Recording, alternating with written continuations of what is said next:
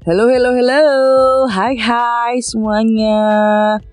Pendengar Jurnal Bontot Podcast, apa kabar? Semoga yang dengerin masih dalam keadaan yang sehat ya. Aku pun juga puji Tuhan sehat.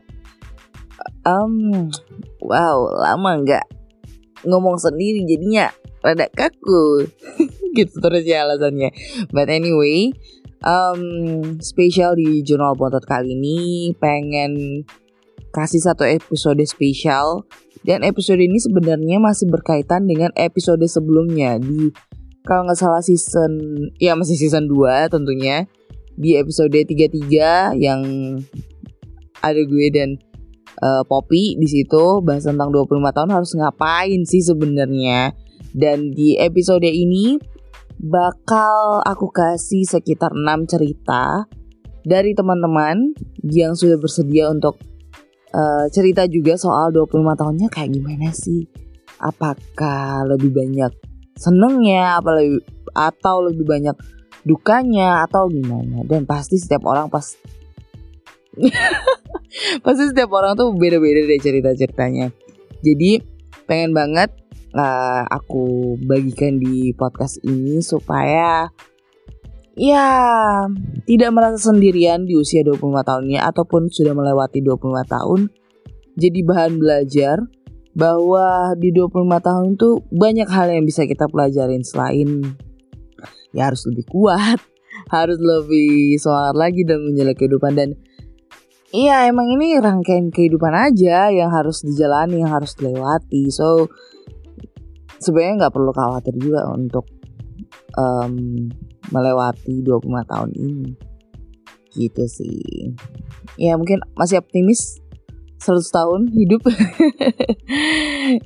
Jadi ya ya udahlah nikmati aja lah quarter life crisis ini ataupun hayalah-hayalah yang terjadi di umur 25 tahun. Dan semuanya akan dirangkum spesial di episode kali ini. Terima kasih banyak buat teman-teman yang sudah berpartisipasi berbagi cerita langsung maupun uh, dibantu VO juga voice over dari beberapa temanku terima kasih banyak dan udahlah langsung aja lah ya tanpa basa-basi lagi kita dengerin aja cerita 25 tahunku yang hadir di podcast channel Bontot. Check it out.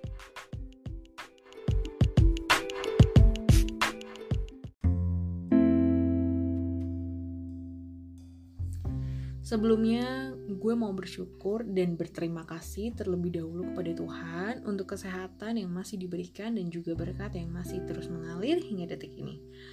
Hmm, untuk menuju ke titik ini benar-benar gak gampang buat gue.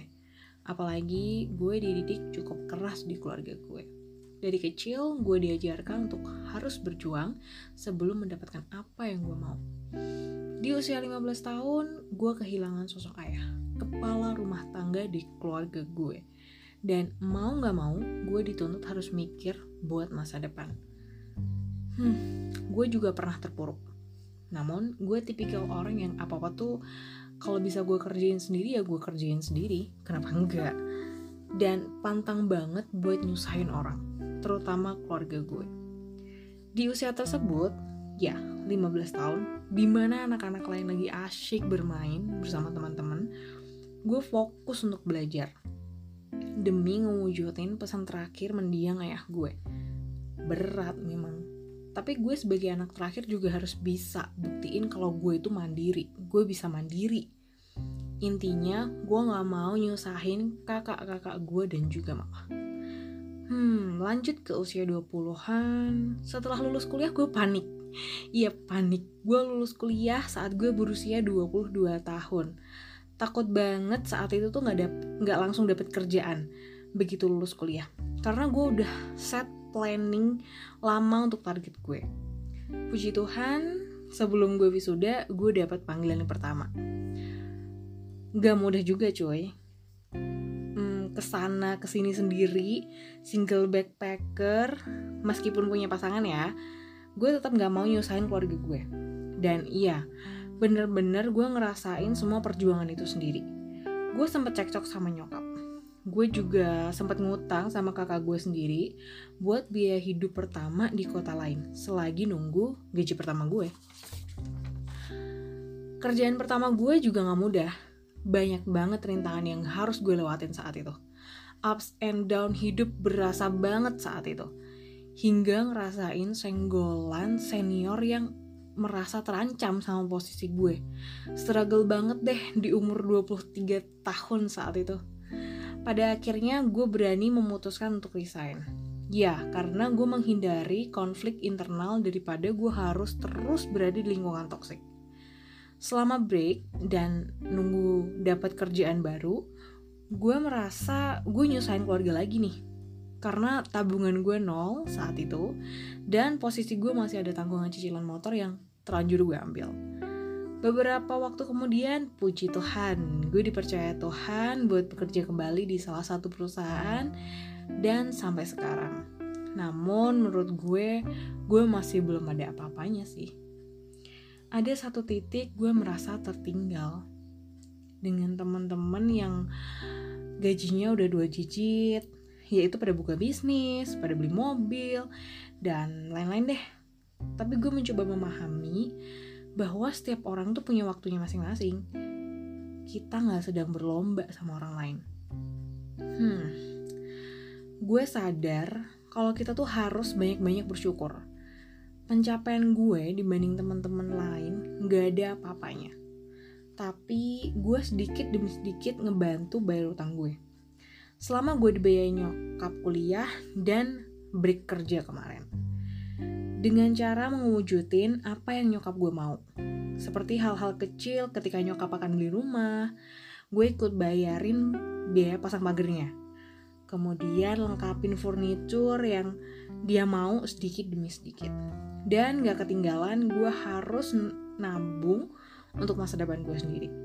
Semua itu gak mudah karena nyokap sempet sakit dan bikin gue stres dan mau nggak mau gue relain tabungan demi ngebantu nyokap dulu.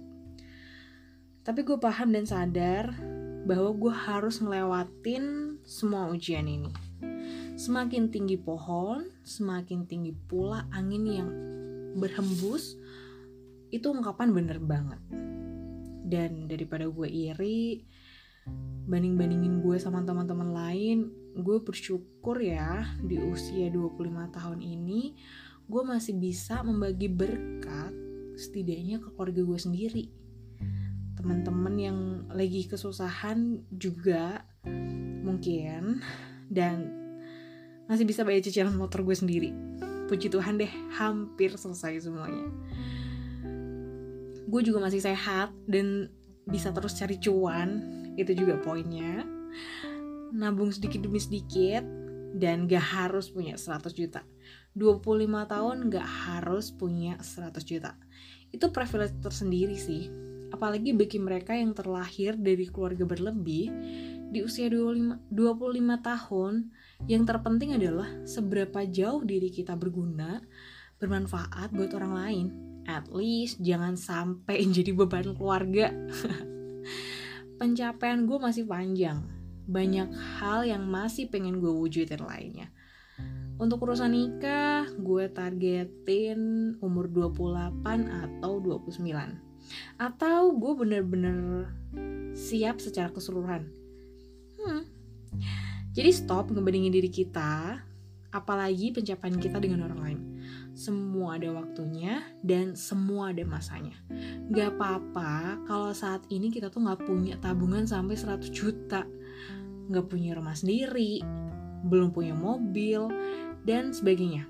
Semua orang punya urusan yang harus diprioritaskan dan gak semua mungkin sama. Pasti berbeda-beda. Usia 25 tahun memang memiliki beban tersendiri.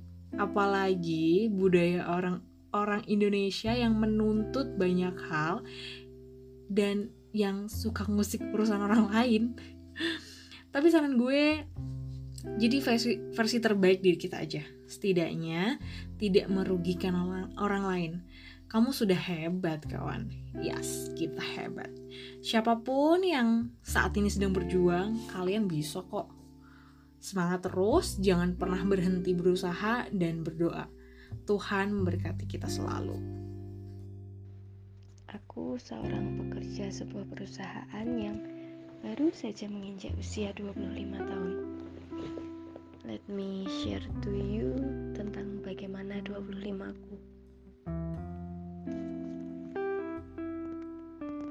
Mungkin banyak yang berpikir atau berekspektasi bahwa umur 25 itu pasti sudah punya banyak hal kayak tabungan banyak, kerjaan mapan, atau bahkan pendamping hidup.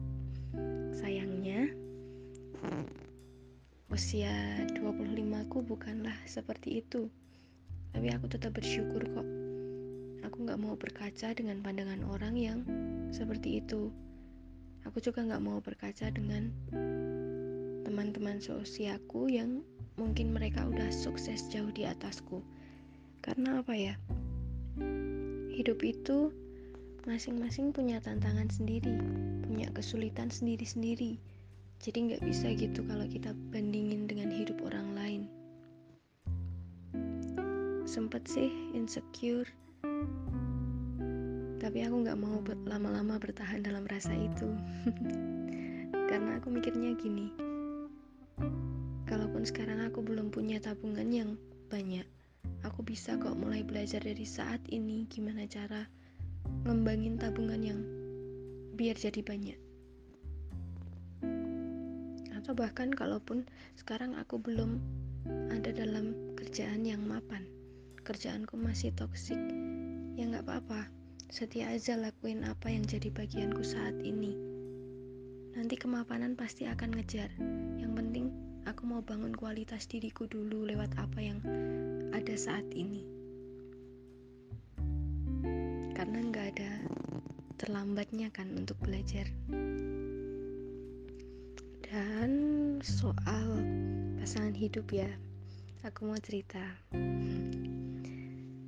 Di bulan tata, uh, tepat aku menginjak usia 25 kemarin aku harus merelakan kepergian seseorang. Mungkin terdengar konyol tapi di saat yang lain sudah mempersiapkan pernikahan mungkin di saat yang lain udah punya anak dan bahagia dengan keluarga mereka tapi aku masih sibuk dengan urusan sakit hati tentang kehilangan. Itu sebuah hmm, proses yang luar biasa dalam hidupku. Aku sama dia nggak direstuin oleh orang tuanya aku udah berusaha sebisa mungkin tapi ya ada beberapa case yang membuatku untuk memutuskan ya udah udah aja gitu. Karena dia mulai toksik karena dia mulai kelihatan lah prinsip-prinsipnya dia yang sebenarnya kayak apa. Ya udah aku tinggalin aja. Karena hmm, sadar nggak sadar sih sikap dan prinsip seseorang yang sebenarnya itu akan kelihatan banget saat bagaimana seseorang itu menghadapi suatu tantangan, menghadapi suatu masalah. Lah dari situ aku ngeliat dia tuh kayak nggak nggak worth it buat aku perjuangin. Ya udah, mending udah aja. Sempet down parah sih. Tapi aku mikirnya gini, walaupun aku memang sayang sama dia, tapi Hal terbesar yang harus tetap dia lakukan adalah dia harus tetap menghormati orang tuanya, ya kan? Sebenarnya kalau cerita tentang umur yang sekarang ini banyak banget. Tapi tak simpul kayak gini aja.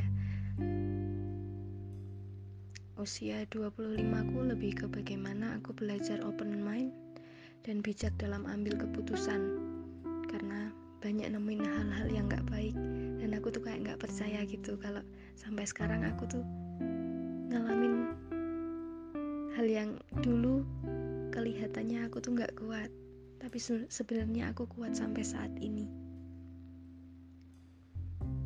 tapi aku percaya kok walaupun sampai sekarang aku belum banyak nemuin hal-hal baik Tapi pasti Tuhan lagi jauhin aku dari yang jahat. Daun boleh, tapi bentaran aja. Habis itu bangkit lagi. Umur 25 tahun. Kalau ditanya umur 25 tahun, kamu sibuk apa? Udah bisa beli apa? Udah menghasilkan apa? Kapan nikah? Dan lain-lain banyak banget pertanyaan dewasa yang pasti kita dengar dari orang sekitar. Mengingat umur kita sudah cukup ideal untuk mencapai semua ambisi dan cita-cita. Yang pertama, aku bersyukur banget, puji Tuhan sekali. Aku bisa bertumbuh dan berkembang di usia sekarang dan sampai nantinya. Memang bukan hal mudah untuk mencapai target impian, apalagi mewujudkan ekspektasi kita yang kadang masih sekedar wacana, tapi ingin punya hasil yang luar biasa. Bersyukur karena setelah lulus kuliah tahun 2018, aku bekerja di salah satu perusahaan company group yang bisa dibilang big company di Indonesia sebagai Human Resource and General Affair atau HRGA HRGA Memang dari awal aku sudah punya target ingin bekerja di luar kota. Karena tujuanku adalah mencari pengalaman baru dengan tinggal di kota lain. Atau merefresh diri setelah 22 tahunan aku berada tinggal di Solo. Lebih tepatnya di Kabupaten Sukoharjo puji Tuhan banget aku mendapatkan pekerjaan di luar kota itu pun tercapai dan aku mulailah bekerja di kantor yang ada di Kabupaten Serang, Provinsi Banten. Tahun pertama aku bekerja, tahun 2018 itu lebih sekitar Agustus lah. Namanya juga awal karir ya. Jadi banyak banget adaptasi yang harus aku jalani di tempat kerja. Dan bisa tinggal sejauh ini berpisah dari keluarga atau teman-teman yang lain. Pencapaian mendalami apa sih job di pekerjaanku di bagian ini, aku masih sibuk beratap, beradaptasi dengan segala drama. Sampai sering lah kalau ada problem pasti endingnya aku nangis. Sedih, merasa putus asa. Ditambah karena masih baru, otomatis belum punya lingkungan teman yang nyaman dan untuk diajak sharing kalau sedang dalam masalah atau tekanan pekerjaan terus penyampai pencapaian finansial apa yang sudah kamu dapatkan di tahun pertama bekerja? Yap.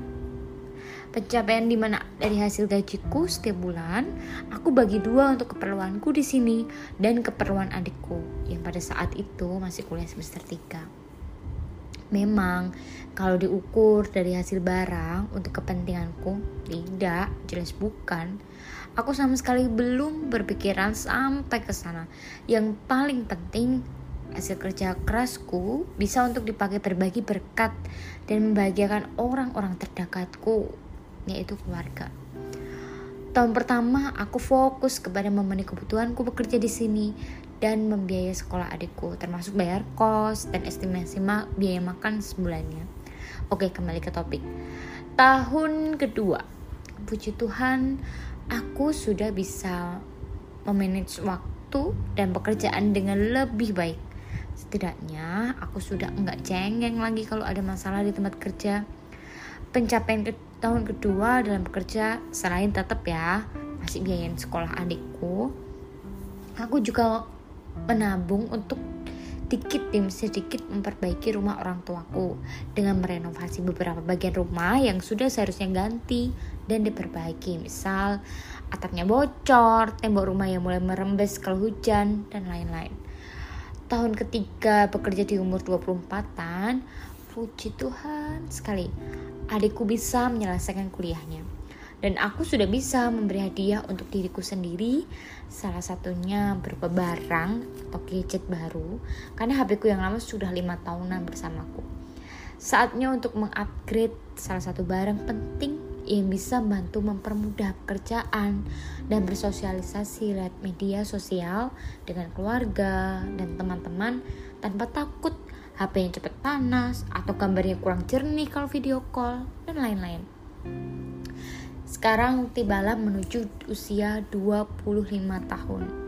Jujur, saat bisa melihat teman-temanku berkumpul, menikmati waktu bersama, sudah beli ini, beli itu, sudah punya keluarga, menikah dan punya anak, sedangkan aku masih harus fokus kerja, nabung, hidup hemat, masih jadi perantauan, dan kalaupun ada pengeluaran benar-benar harus dipikirkan matang-matang, worth it gak sih yang aku keluarkan untuk mendapatkan itu? Kadang sampai aku bisa merasakan, kok mereka bisa ya? Enaknya jadi mereka. Egois sangat egois memang pikiranku itu. Tapi kembali lagi ya aku menguatkan diri dengan bersyukur untuk setiap proses dalam hidupku dari mulai proses bekerja proses lebih dekat dengan keluarga proses bersosialisasi dengan teman atau lingkungan yang semakin kita dewasa semakin mengerucut kemudian ada proses semakin mempersiapkan diri untuk membangun sebuah keluarga bersyukur di masa pandemi sekarang ini kita masih dipercaya Tuhan untuk sehat, kuat, dan bisa menjadi berkat dalam bentuk apa pun kepada sesama kita.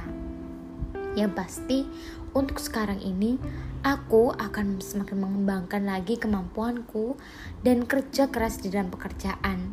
Tetap menabung meskipun aku masih setia dengan satu pekerjaan ini atau belum punya pekerjaan sampingan lain atau belum punya pemasukan lain selain bekerja di sini merefleksikan diri untuk menjadi pribadi yang lebih baik lebih bijaksana lagi dalam bertindak maupun berucap. Semangat untuk mewujudkan mimpi dan target-target selanjutnya tetapi dari semua hal yang di atas yang boleh aku sharing tetap andalkan Tuhan dalam segala hal. Saat kamu sedih, saat kamu bahagia, saat kamu sedang terpuruk, saat kamu sedang sakit, saat kamu sedang dalam kesuksesan, landasi segala hal dengan mengucap syukur ke Tuhan, berdoa, dan berusaha untuk bisa menyeimbangkan diri. Karena aku percaya bahwa Tuhan baik dalam segala hal dan sudah menyediakan yang terbaik untuk anak-anaknya yang mengasihi dia. Tetap semangat, selalu jaga kesehatan di mana pun kalian berada. Jangan lupa bahagia, jangan kendor mengasihi dirimu sendiri dan juga sesama. Tuhan memberkati. Jadi inti dari ceritaku tadi adalah um, ada beberapa poin. Aku bisa simpulin bahwa puji Tuhan aku di usia 25 tahun ini dalam keadaan sehat, Puji Tuhan, aku masih bisa bekerja dengan baik, dengan lancar. Kemudian mempunyai support system yang luar biasa, baik keluarga, teman, pacar, dan sebagainya. Kemudian mempunyai tabungan untuk mempersiapkan masa depanku. Kemudian mempunyai kesempatan yang cukup luas untuk semakin mengembangkan diri. Dan juga yang paling penting adalah bahagia dengan apa pun yang sudah saya miliki, saya dapatkan dan saya nikmati. Oke, terima kasih.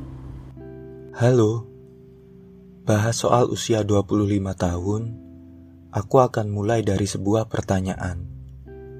Apa aja sih yang sudah aku dapatkan sejauh ini hingga di usia 25 tahunku? Banyak mulai dari kebingungan, kegalauan, hingga pertanyaan besar seputar pilihan hidup. Namun ya, tetap dapat banyak pengalaman, pelajaran hidup, dan teman-teman baru juga. Dibanding orang lain, bisa dibilang hidupku cenderung flat-flat aja. Aku baru sidang skripsi pada akhir bulan September 2019 agak telat karena aku sempat kecelakaan sebelumnya. Setelah sidang skripsi, aku belum bisa langsung cari kerja karena masih ada beberapa hal yang aku harus bereskan. Termasuk aku harus melalui proses penyembuhan pasca kecelakaan.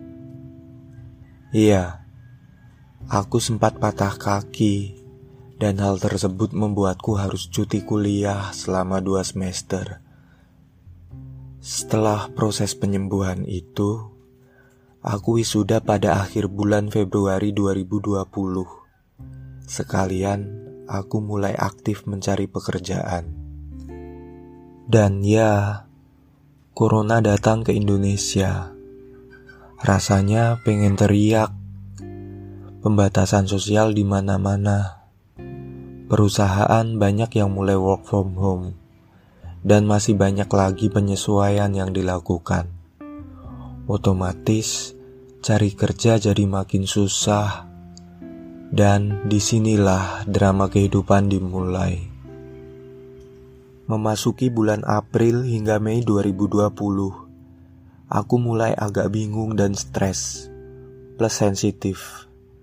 Jujur, aku tidak masalah bila harus di rumah aja selama pandemi. Karena aku juga bukan tipikal anak yang suka main keluar. Tapi karena minim kegiatan, Mulailah overthinking tiap hari, tiap malam. Banyak banget hal yang aku pikirin. Mulai dari kapan mendapatkan kerjaan, aku cocok kerja di bidang apa, bisakah mengikuti perkembangan dunia kerja, dan sebagainya. Bahkan, pemikiranku berkembang ke hal-hal lain, seperti kenapa aku tidak seperti orang lain menyalahkan diri sendiri juga. Makin diperparah juga dengan orang tua yang mulai insecure dan ngejar-ngejar aku untuk segera nyari kerja.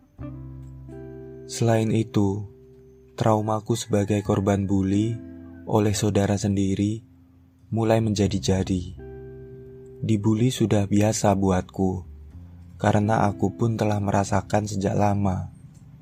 Hanya semakin ke sini, semakin terasa mengganggu.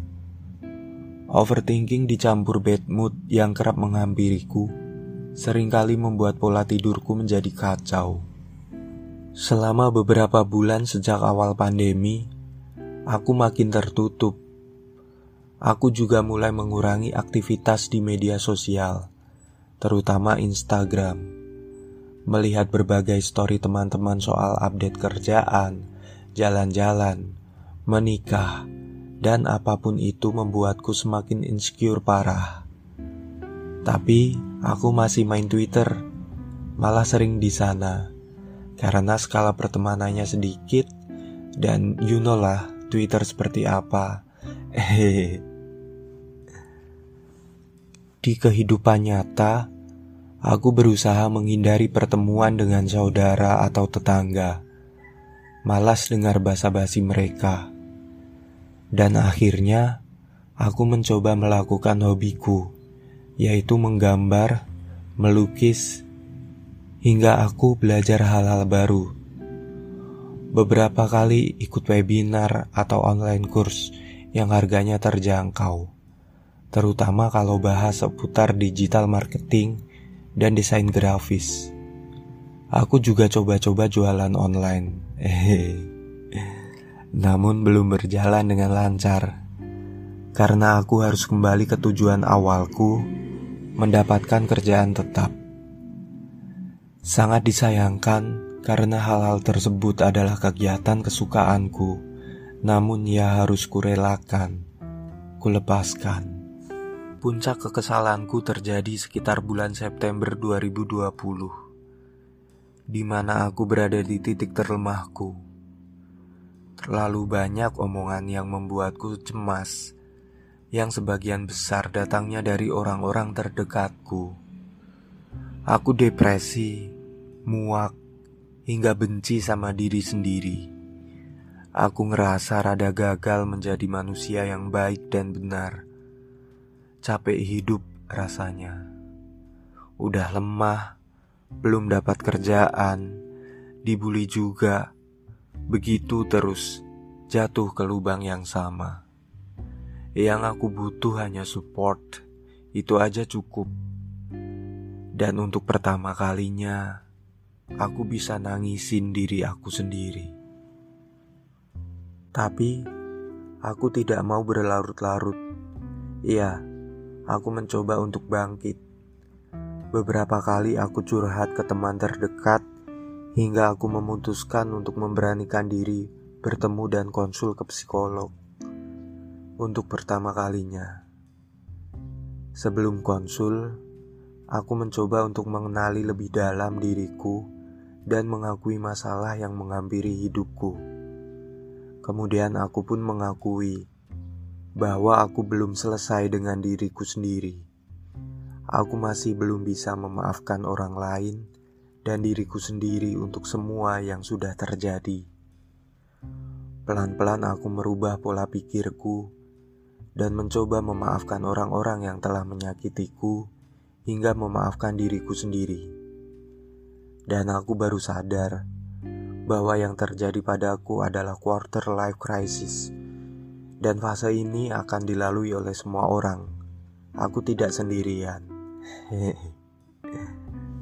Setelah konsul ke psikolog, aku cukup mendapat banyak insight yang bermanfaat. Sebenarnya, konsul sekali belum menyelesaikan masalahku. Namun aku tetap harus belajar buat merubah mindsetku dan sebagainya. Tapi, aku merasa jauh lebih baik dan optimis kembali. Cari kerja jadi lebih semangat. Aku perbaiki lagi CV-ku. Aku coba freelance online kecil-kecilan dan berbagai usaha lainnya. Setelah kurang lebih setahun, aku mulai dapat panggilan untuk wawancara, dan sekarang, ketika aku bercerita padamu, aku sudah bekerja, dan syukurnya adalah pekerjaanku berhubungan dengan dua hal yang memang aku ingin tekuni, yaitu desain grafis dan digital marketing. Walaupun gajinya belum seberapa, tapi aku tetap bersyukur.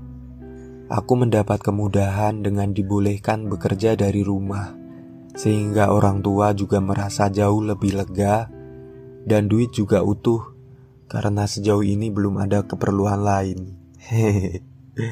Jadi ternyata di usia 25 tahun tidak semua orang dituntut untuk punya tabungan sekian juta atau ratusan juta. Sejauh ini, aku bisa menikmati 25 tahunku dengan caraku sendiri.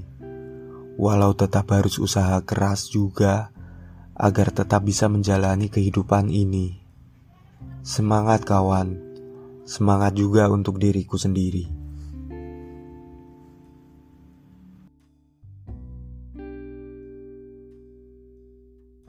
Halo, aku seorang karyawati dan juga ibu beranak satu dari Solo.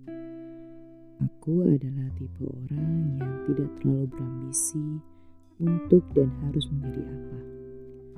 Makanya hidupku ya gini-gini aja. Tapi aku menikmati kok. Di usia 25 tahun, aku sudah punya anak.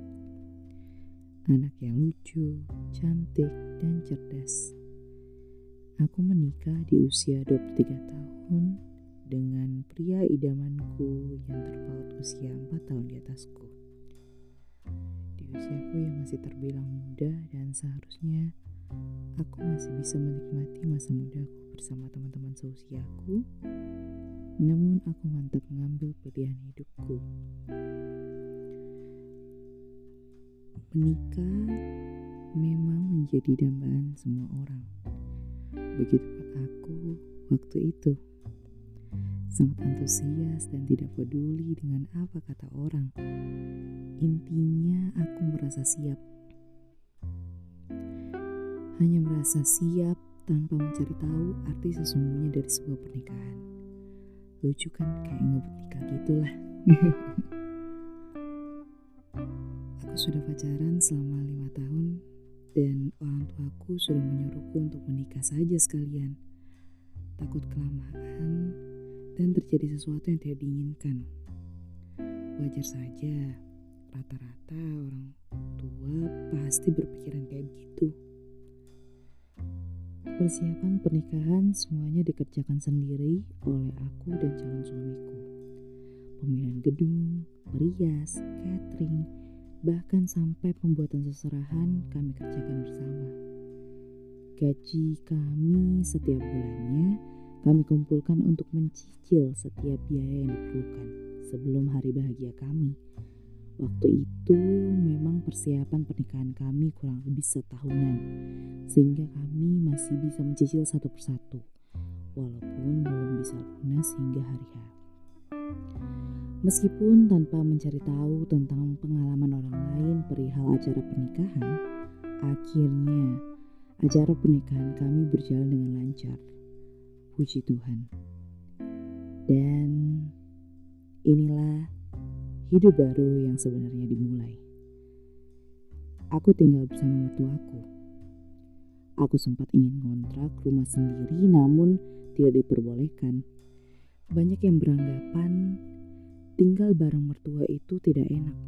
Selalu begini, selalu begitu, atau banyak pekewonya lah kalau orang Jawa bilang. Dan ya, memang benar.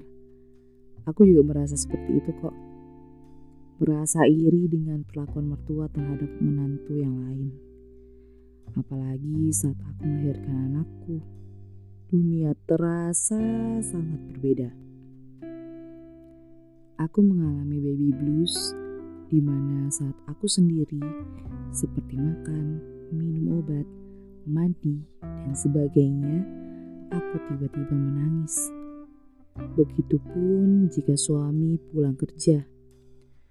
Aku menangis dan kayak pengen menyalahkan tapi tidak ada yang bisa disalahkan. Aku cuma menangis di depannya. Bukan aku tidak bersyukur punya bayi itu. Hanya aku merasa setelah punya anak kayak benar-benar langsung down banget. Rasa kesepian kerap menghampiri. Rasanya seperti tidak punya teman yang bisa diajak untuk berbagi cerita.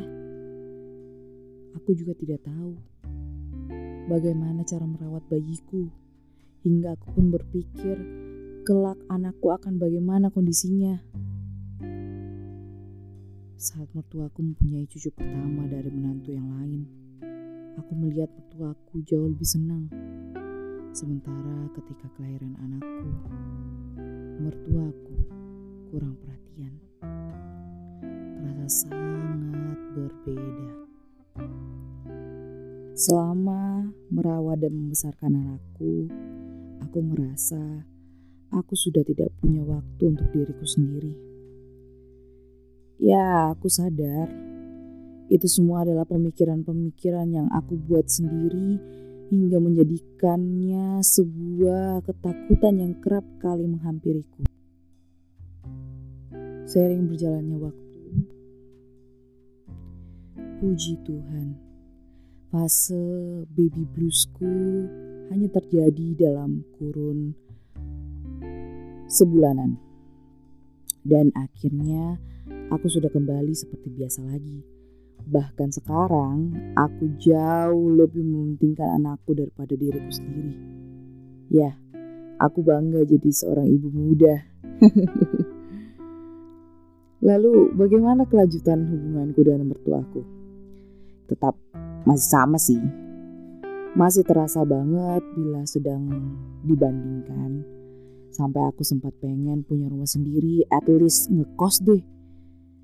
Biar aku bisa menata kehidupanku dan keluarga kecilku. Jujur saja, aku sebenarnya lebih senang menghindar dari apa yang tidak membuatku nyaman. Daripada aku harus berpura-pura baik. Namun sepertinya Tuhan sedang menyuruhku untuk belajar menerima dan berdamai dengan semua ini. Aku juga tetap memikirkan beberapa hal, seperti bagaimana dengan anakku bila aku tinggal kerja, atau aku menjadi ibu rumah tangga saja ya. Jujur, aku belum kesampaian untuk itu. Karena masih banyak cicilan yang harus aku bayar, sehingga aku harus bekerja apa anak kami dititipkan ke pengasuh aja ya? No, no, no.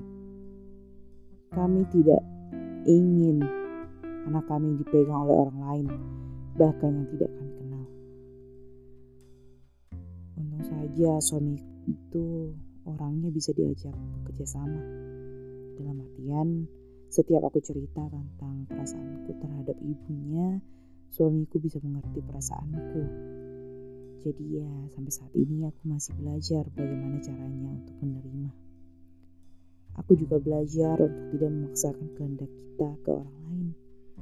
Bila mereka tidak menyukai kita, ya itu hak mereka. Tidak semua, hanya beberapa sih seperti itu. Aku percaya masih banyak orang baik di bumi ini. Dan juga aku belajar bagaimana agar tidak selalu berpikiran negatif, seperti mengurangi bahkan stop membandingkan diri dengan orang lain. Sejauh ini aku bersyukur dengan apa pun yang aku alami. Dan ya, aku tetap semangat untuk menjalaninya, walau lagi-lagi tidaklah mudah. Oke, mulai dari identitas, umur 25 tahun, status uh, status apa nih? Status uh, kuliah aja ya, mahasiswa. uh, mahasiswa Mapro. Hobi uh, nyanyi sama masak. Udah, itu aja kali ya identitasnya. Oke. Okay. Tentang 25 ya. Oke, okay, jadi di sini aku bakal cerita tentang 25 tahun aku. Uh, kan aku ulang tahun tuh tanggal 20 Februari 1996. Nah, nggak maksudnya ulang tahunnya baru udah udah beberapa bulan yang lalu nih kalau di tahun ini gitu. Jadi tahun ini emang aku udah 25 tahun. Terus yang udah dilalui tuh banyak banget sih gitu, banyak banget. Cuman mungkin sini aku bakal ngerinciin aja berapa yang bikin aku struggle ya yang bikin aku kayak mesti uh, aduh effortku harus tinggi nih di sini gitu. Oke. Okay. Kalau melihat 25 tahunku ini cukup cukup apa ya? melelahkan sih kalau aku ya. Aku aku capek sih. Aku bilang capek di umurku 25 tahun karena pertama, aku adalah anak pertama dari tiga bersaudara. Aku cewek dan otomatis tanggung jawabku besar banget dong karena aku anak pertama cewek pula kan? Nah gimana tuh nah terus habis itu uh, sebelum 25 sih aku dulu habis SMA tuh kan kuliah S1 psikologi. Aku sebenarnya uh, sekarang itu aku lagi S2 psikologi cuman um, waktu itu aku nggak kepikiran sama sekali bakal S2 psikologi gitu. Tapi ya orang tua support terus aku juga kebetulan pengen waktu itu cuma iseng-iseng berhadiah gitu loh. Tapi ya ada keinginan juga sih buat kayak aduh kayaknya Mapro seru nih gitu. Yaudah aku jalanin nih. Tapi di situlah dimulainya uh, gejolak-gejolak sebelum umur 25 itu sampai pada hari ini pun gejolak itu masih ada kayak gitu aku bilangnya gejolak ya oke okay, terus keresahan 25 ya. Kalau keresahan 25-nya itu lebih ke kuliah sih karena sebenarnya tahun kemarin aku harusnya sudah selesai. Sudah selesai untuk menempuh S2 Mapro. Cuman gara-gara corona kemarin sempat uh, ketunda ya yang tahun 2020 itu uh, harusnya aku akhir 2020 itu sudah lulus tapi endingnya ketunda. Sampai tahun ini aku belum lulus kayak gitu.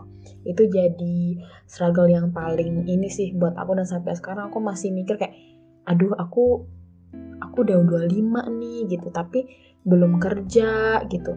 Terus aku belum bisa buat orang tua aku tuh bangga dengan cara kayak kadang tuh orang tua aku juga ngeluh kayak kamu tuh kapan selesainya gitu ini biayamu banyak loh kayak gitu biaya yang kamu keluarkan untuk S2 banyak loh kayak gitu gitu jadi biar lebih ringan ya kamu cepet ya selesaiin kuliah gitu. Sementara di kenyataannya adalah di kampusku itu mereka kadang nggak konsisten menentukan waktu. Misalnya aku harus ujian praktek, tapi kok yo ditunda gitu ataupun aku pas tesis bimbingan tesis kok dosennya susah banget dihubungin, susah banget dicariin kayak gitu.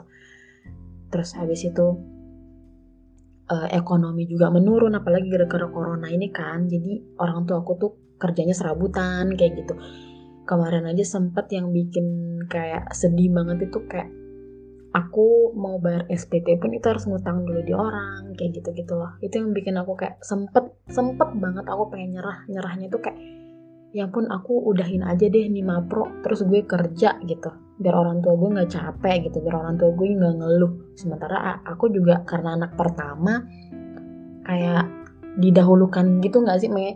Didahulukan biar ya udah kamu selesai biar kamu tuh bisa bantuin adik-adikmu gitu loh. Karena dua adikku juga masih sekolah itu yang harus kutanggung gitu. Jadi aku kan mikirnya ya udah gue selesai ini mapro gue kerja gitu. Gue nggak mau nih lanjutin ini mapro buang-buang duit doang nih kayak gitu. Itu yang bikin aku kayak pengen nyerah banget gitu sama sama sama semua situasi yang aku hadepin kayak gitu. Cuman anehnya mereka tuh memang nuntut aku cepat selesai cuman mereka juga kayak tetap kayak support nggak apa-apa dilanjutin aja gitu. Tapi mereka nggak tahu yang aku hadepin di kenyataan tuh kayak gimana kayak gitu loh. Dan makin ke sini aku makin sadar bahwa ih kayaknya gue nggak nggak cocok deh di mapro kayak gitu gitu. Ada ada pikiran sampai kayak gitu gara-gara udah capek gitu sama semua hal yang datang kayak gitu. Nah terus habis itu uh, keresahan-keresahan yang aku alamin ya untuk uh, sebelum ta sebelum umurku 25 sampai sekarang pun ya itu sih yang paling bikin kayak pengen nyerah terus gitu loh. Pengen nyerahnya sama keadaan aja karena kayak kok keadaan nggak memihak sih ke aku kayak gitu. Karena aku nih pas lagi giat-giatnya nerusin S2 misalnya atau aku lagi giat-giatnya jadi laporan segala macem eh tiba-tiba ada masalah internal di keluarga tiba-tiba kok ya ekonominya turun kayak gitu loh. Yang buat aku tuh nggak nggak bisa semangat lagi buat buat ngelanjutin apa yang harus ku pertanggungjawabkan apa yang apa yang eh, pilihan apa yang udah aku ambil kayak gitu. Kan ini ibaratnya tuh kayak tanggung jawab sama orang tua kan kayak gitu tapi salah satu sisi juga aku mikir nih kalau misalnya diterusin gimana nih? Sementara kondisi juga kayak gini gitu loh. Aku nggak bisa kayak ngapa-ngapain. Kayak udah males juga gitu. Karena udah kelamaan juga aku juga udah capek kuliah terus. Aku juga ibaratnya pengen bilang sama orang tua aku juga capek kali kuliah terus kayak gitu. Cuman ya kalian juga nuntut aku buat nyelesain kayak gitu walaupun dengan kondisi apa pun. Dan aku nurut gitu loh walaupun aku sebenarnya pengennya kerja ya udah kerja aja deh kayak gitu kan. Biar biar udah nggak usah ngurusin uang sekolah biar aku aja yang ngebayain ngebiayain adik-adik kayak gitu-gitu sih bahasanya. Cuman kalau udah diomongin gitu ya orang tua bilang kan dikit lagi masa mau berhenti di sini di sini pas udah mau di akhir perjalanan kayak gitu-gitu. Yaudah aku kayak agak terpaksa sih untuk meneruskan apa yang sudah menjadi tanggung jawabku ini gitu. Kepaksanya karena keadaan-keadaan tadi yang gak bisa aku kondisional kan kayak gitu. Terus hmm, itu sih struggle-nya yang bikin ini juga karena kemarin sempat ada masalah internal di dalam keluarga gitu. Ya mungkin aku memaknainya kan oh ini lagi dapat cobaan nih gitu. Lagi dapat cobaan dalam keluarga aku. Terus akunya juga kok tiba-tiba juga dihadapkan sama kondisi kayak gini gitu kan. Ya udah deh kayak gitu. Nah, struggle yang lebih parah ya pasti uh, beberapa orang juga ngalamin kayak misalnya di keluarga nih, eh kamu kan udah 25, itu loh adik-adik kamu udah nikah, masa kamu belum? Gitu, masa kamu sekolah terus, teman-temanku juga pada kayak gitu, Pit kapan nikah, ini loh aku udah punya anak, kayak gitu.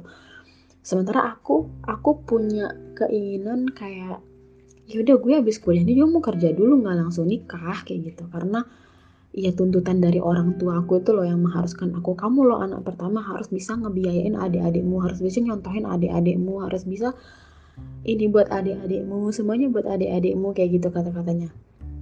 Cuman mereka nggak ya aku nggak nyalahin sih cuman mereka kayak nggak pernah lihat aku tuh pengennya apa sih gitu. Gitu aja sih yang bikin aku kadang eh ya udahlah terima aja lah gitu. Padahal aku juga sebenarnya nggak bisa nerima gitu digituin.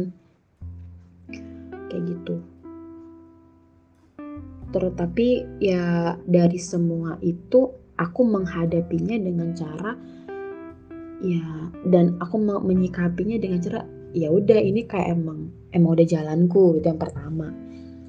Dan pelajaran yang bisa aku ambil ketika umurku udah di 25 tahun ini dengan segala macam struggle masalah yang sudah aku hadepin tuh kayak aku bersyukur sih gitu. Bersyukur karena ketika aku ada masalah internal kemarin di keluarga aku tuh kayak mikir oh ternyata uh, apa ya keluarga itu penting banget gitu penting banget dan support support system ketika ada masalah seberat apa pun. Tapi kalau satu keluarga tuh saling nguatin saling support saling bantu gitu itu bakal kayak bisa kok dijalanin sama-sama walaupun berat gitu. Itu yang pertama. Yang kedua kalau apalagi kemarin aku lagi kuliah kuliahnya lagi ini nilai bayar gitu. Terus kok ekonomiku langsung ini harus ngutang dulu. Itu sih yang bikin kayak naik turun naik turunku itu yang bikin kayak uh, ya ampun gimana nih caranya aku harus selesaiin ini terus aku ngebantuin orang tua aku biar orang tuaku nggak nggak capek kayak gitu. Nggak capek lagi kayak gitu ya dan emang mungkin ya udah jadi tanggung jawabku kali ya jadi apa jadi anak pertama gitu jadi ya tanggung jawab juga ya emang harus tanggung jawab gantiin si bapak nih gitu. Aku juga nggak apa-apa kok dari situ juga aku bisa ngambil beberapa pelajaran dan aku bisa lebih kuat gitu. Dan ketika aku bisa lebih kuat aku bisa nguatin orang-orang di sekitar aku dengan hal-hal yang udah aku laluin kayak gitu. Mungkin sebelum umur 25 pun sampai umurku 25 aku banyak banget ngalamin masalah. Cuman dari masalah itu aku bisa jadi kuat. Dan ketika aku sudah kuat aku bisa nguatin orang lain di sekitarku gitu. Dengan pengalamanku dengan ceritaku dengan ilmu yang aku punya dengan apa yang udah aku petik da petik dari kehidupanku gitu. Jadi aku juga bisa nguatin orang-orang di sekitarku. Itu sih kalau tips and saran sih kalau aku mm, nggak mm, pinter ngasih saran sih aku sebenarnya pak dan aku juga nggak bisa ngasih tips sih karena mungkin kan semua orang punya ininya beda-beda kan. Cuman yang aku pengen uh, tekankan adalah yang aku pengen kita sama-sama lakuin adalah seberat apa pun masalahmu se selemah apa pun kamu pada saat kamu ngalamin struggle semau menyerah apa pun kamu saat ini saat di umurmu 25 ini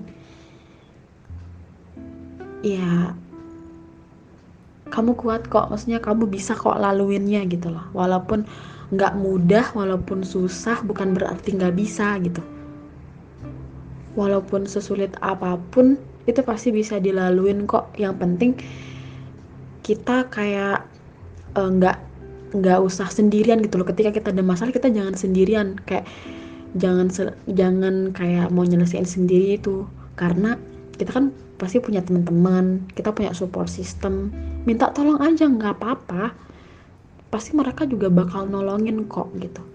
Jadi kita nggak bisa juga kayak oke okay, ini masalahku aku harus iniin sendiri aku harus nyelesain sendiri aku bisa sendiri kok ngelaluinnya ya kita makhluk sosial. Kita kembali lagi kita tuh makhluk sosial. Kita nggak bisa kayak bergantung sama diri kita sendiri ketika kita ada masalah gitu.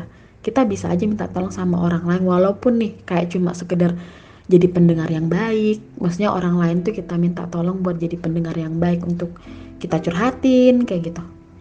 Ataupun mungkin kayak support kayak uh, mungkin dia temen deket kita terus dia temen yang ngertiin kita kita bisa berbagi sama dia walaupun mungkin dia nggak bisa melakukan banyak hal tapi sebenarnya kita ngerasa punya temen gitu lah kita nggak sendiri kayak gitu.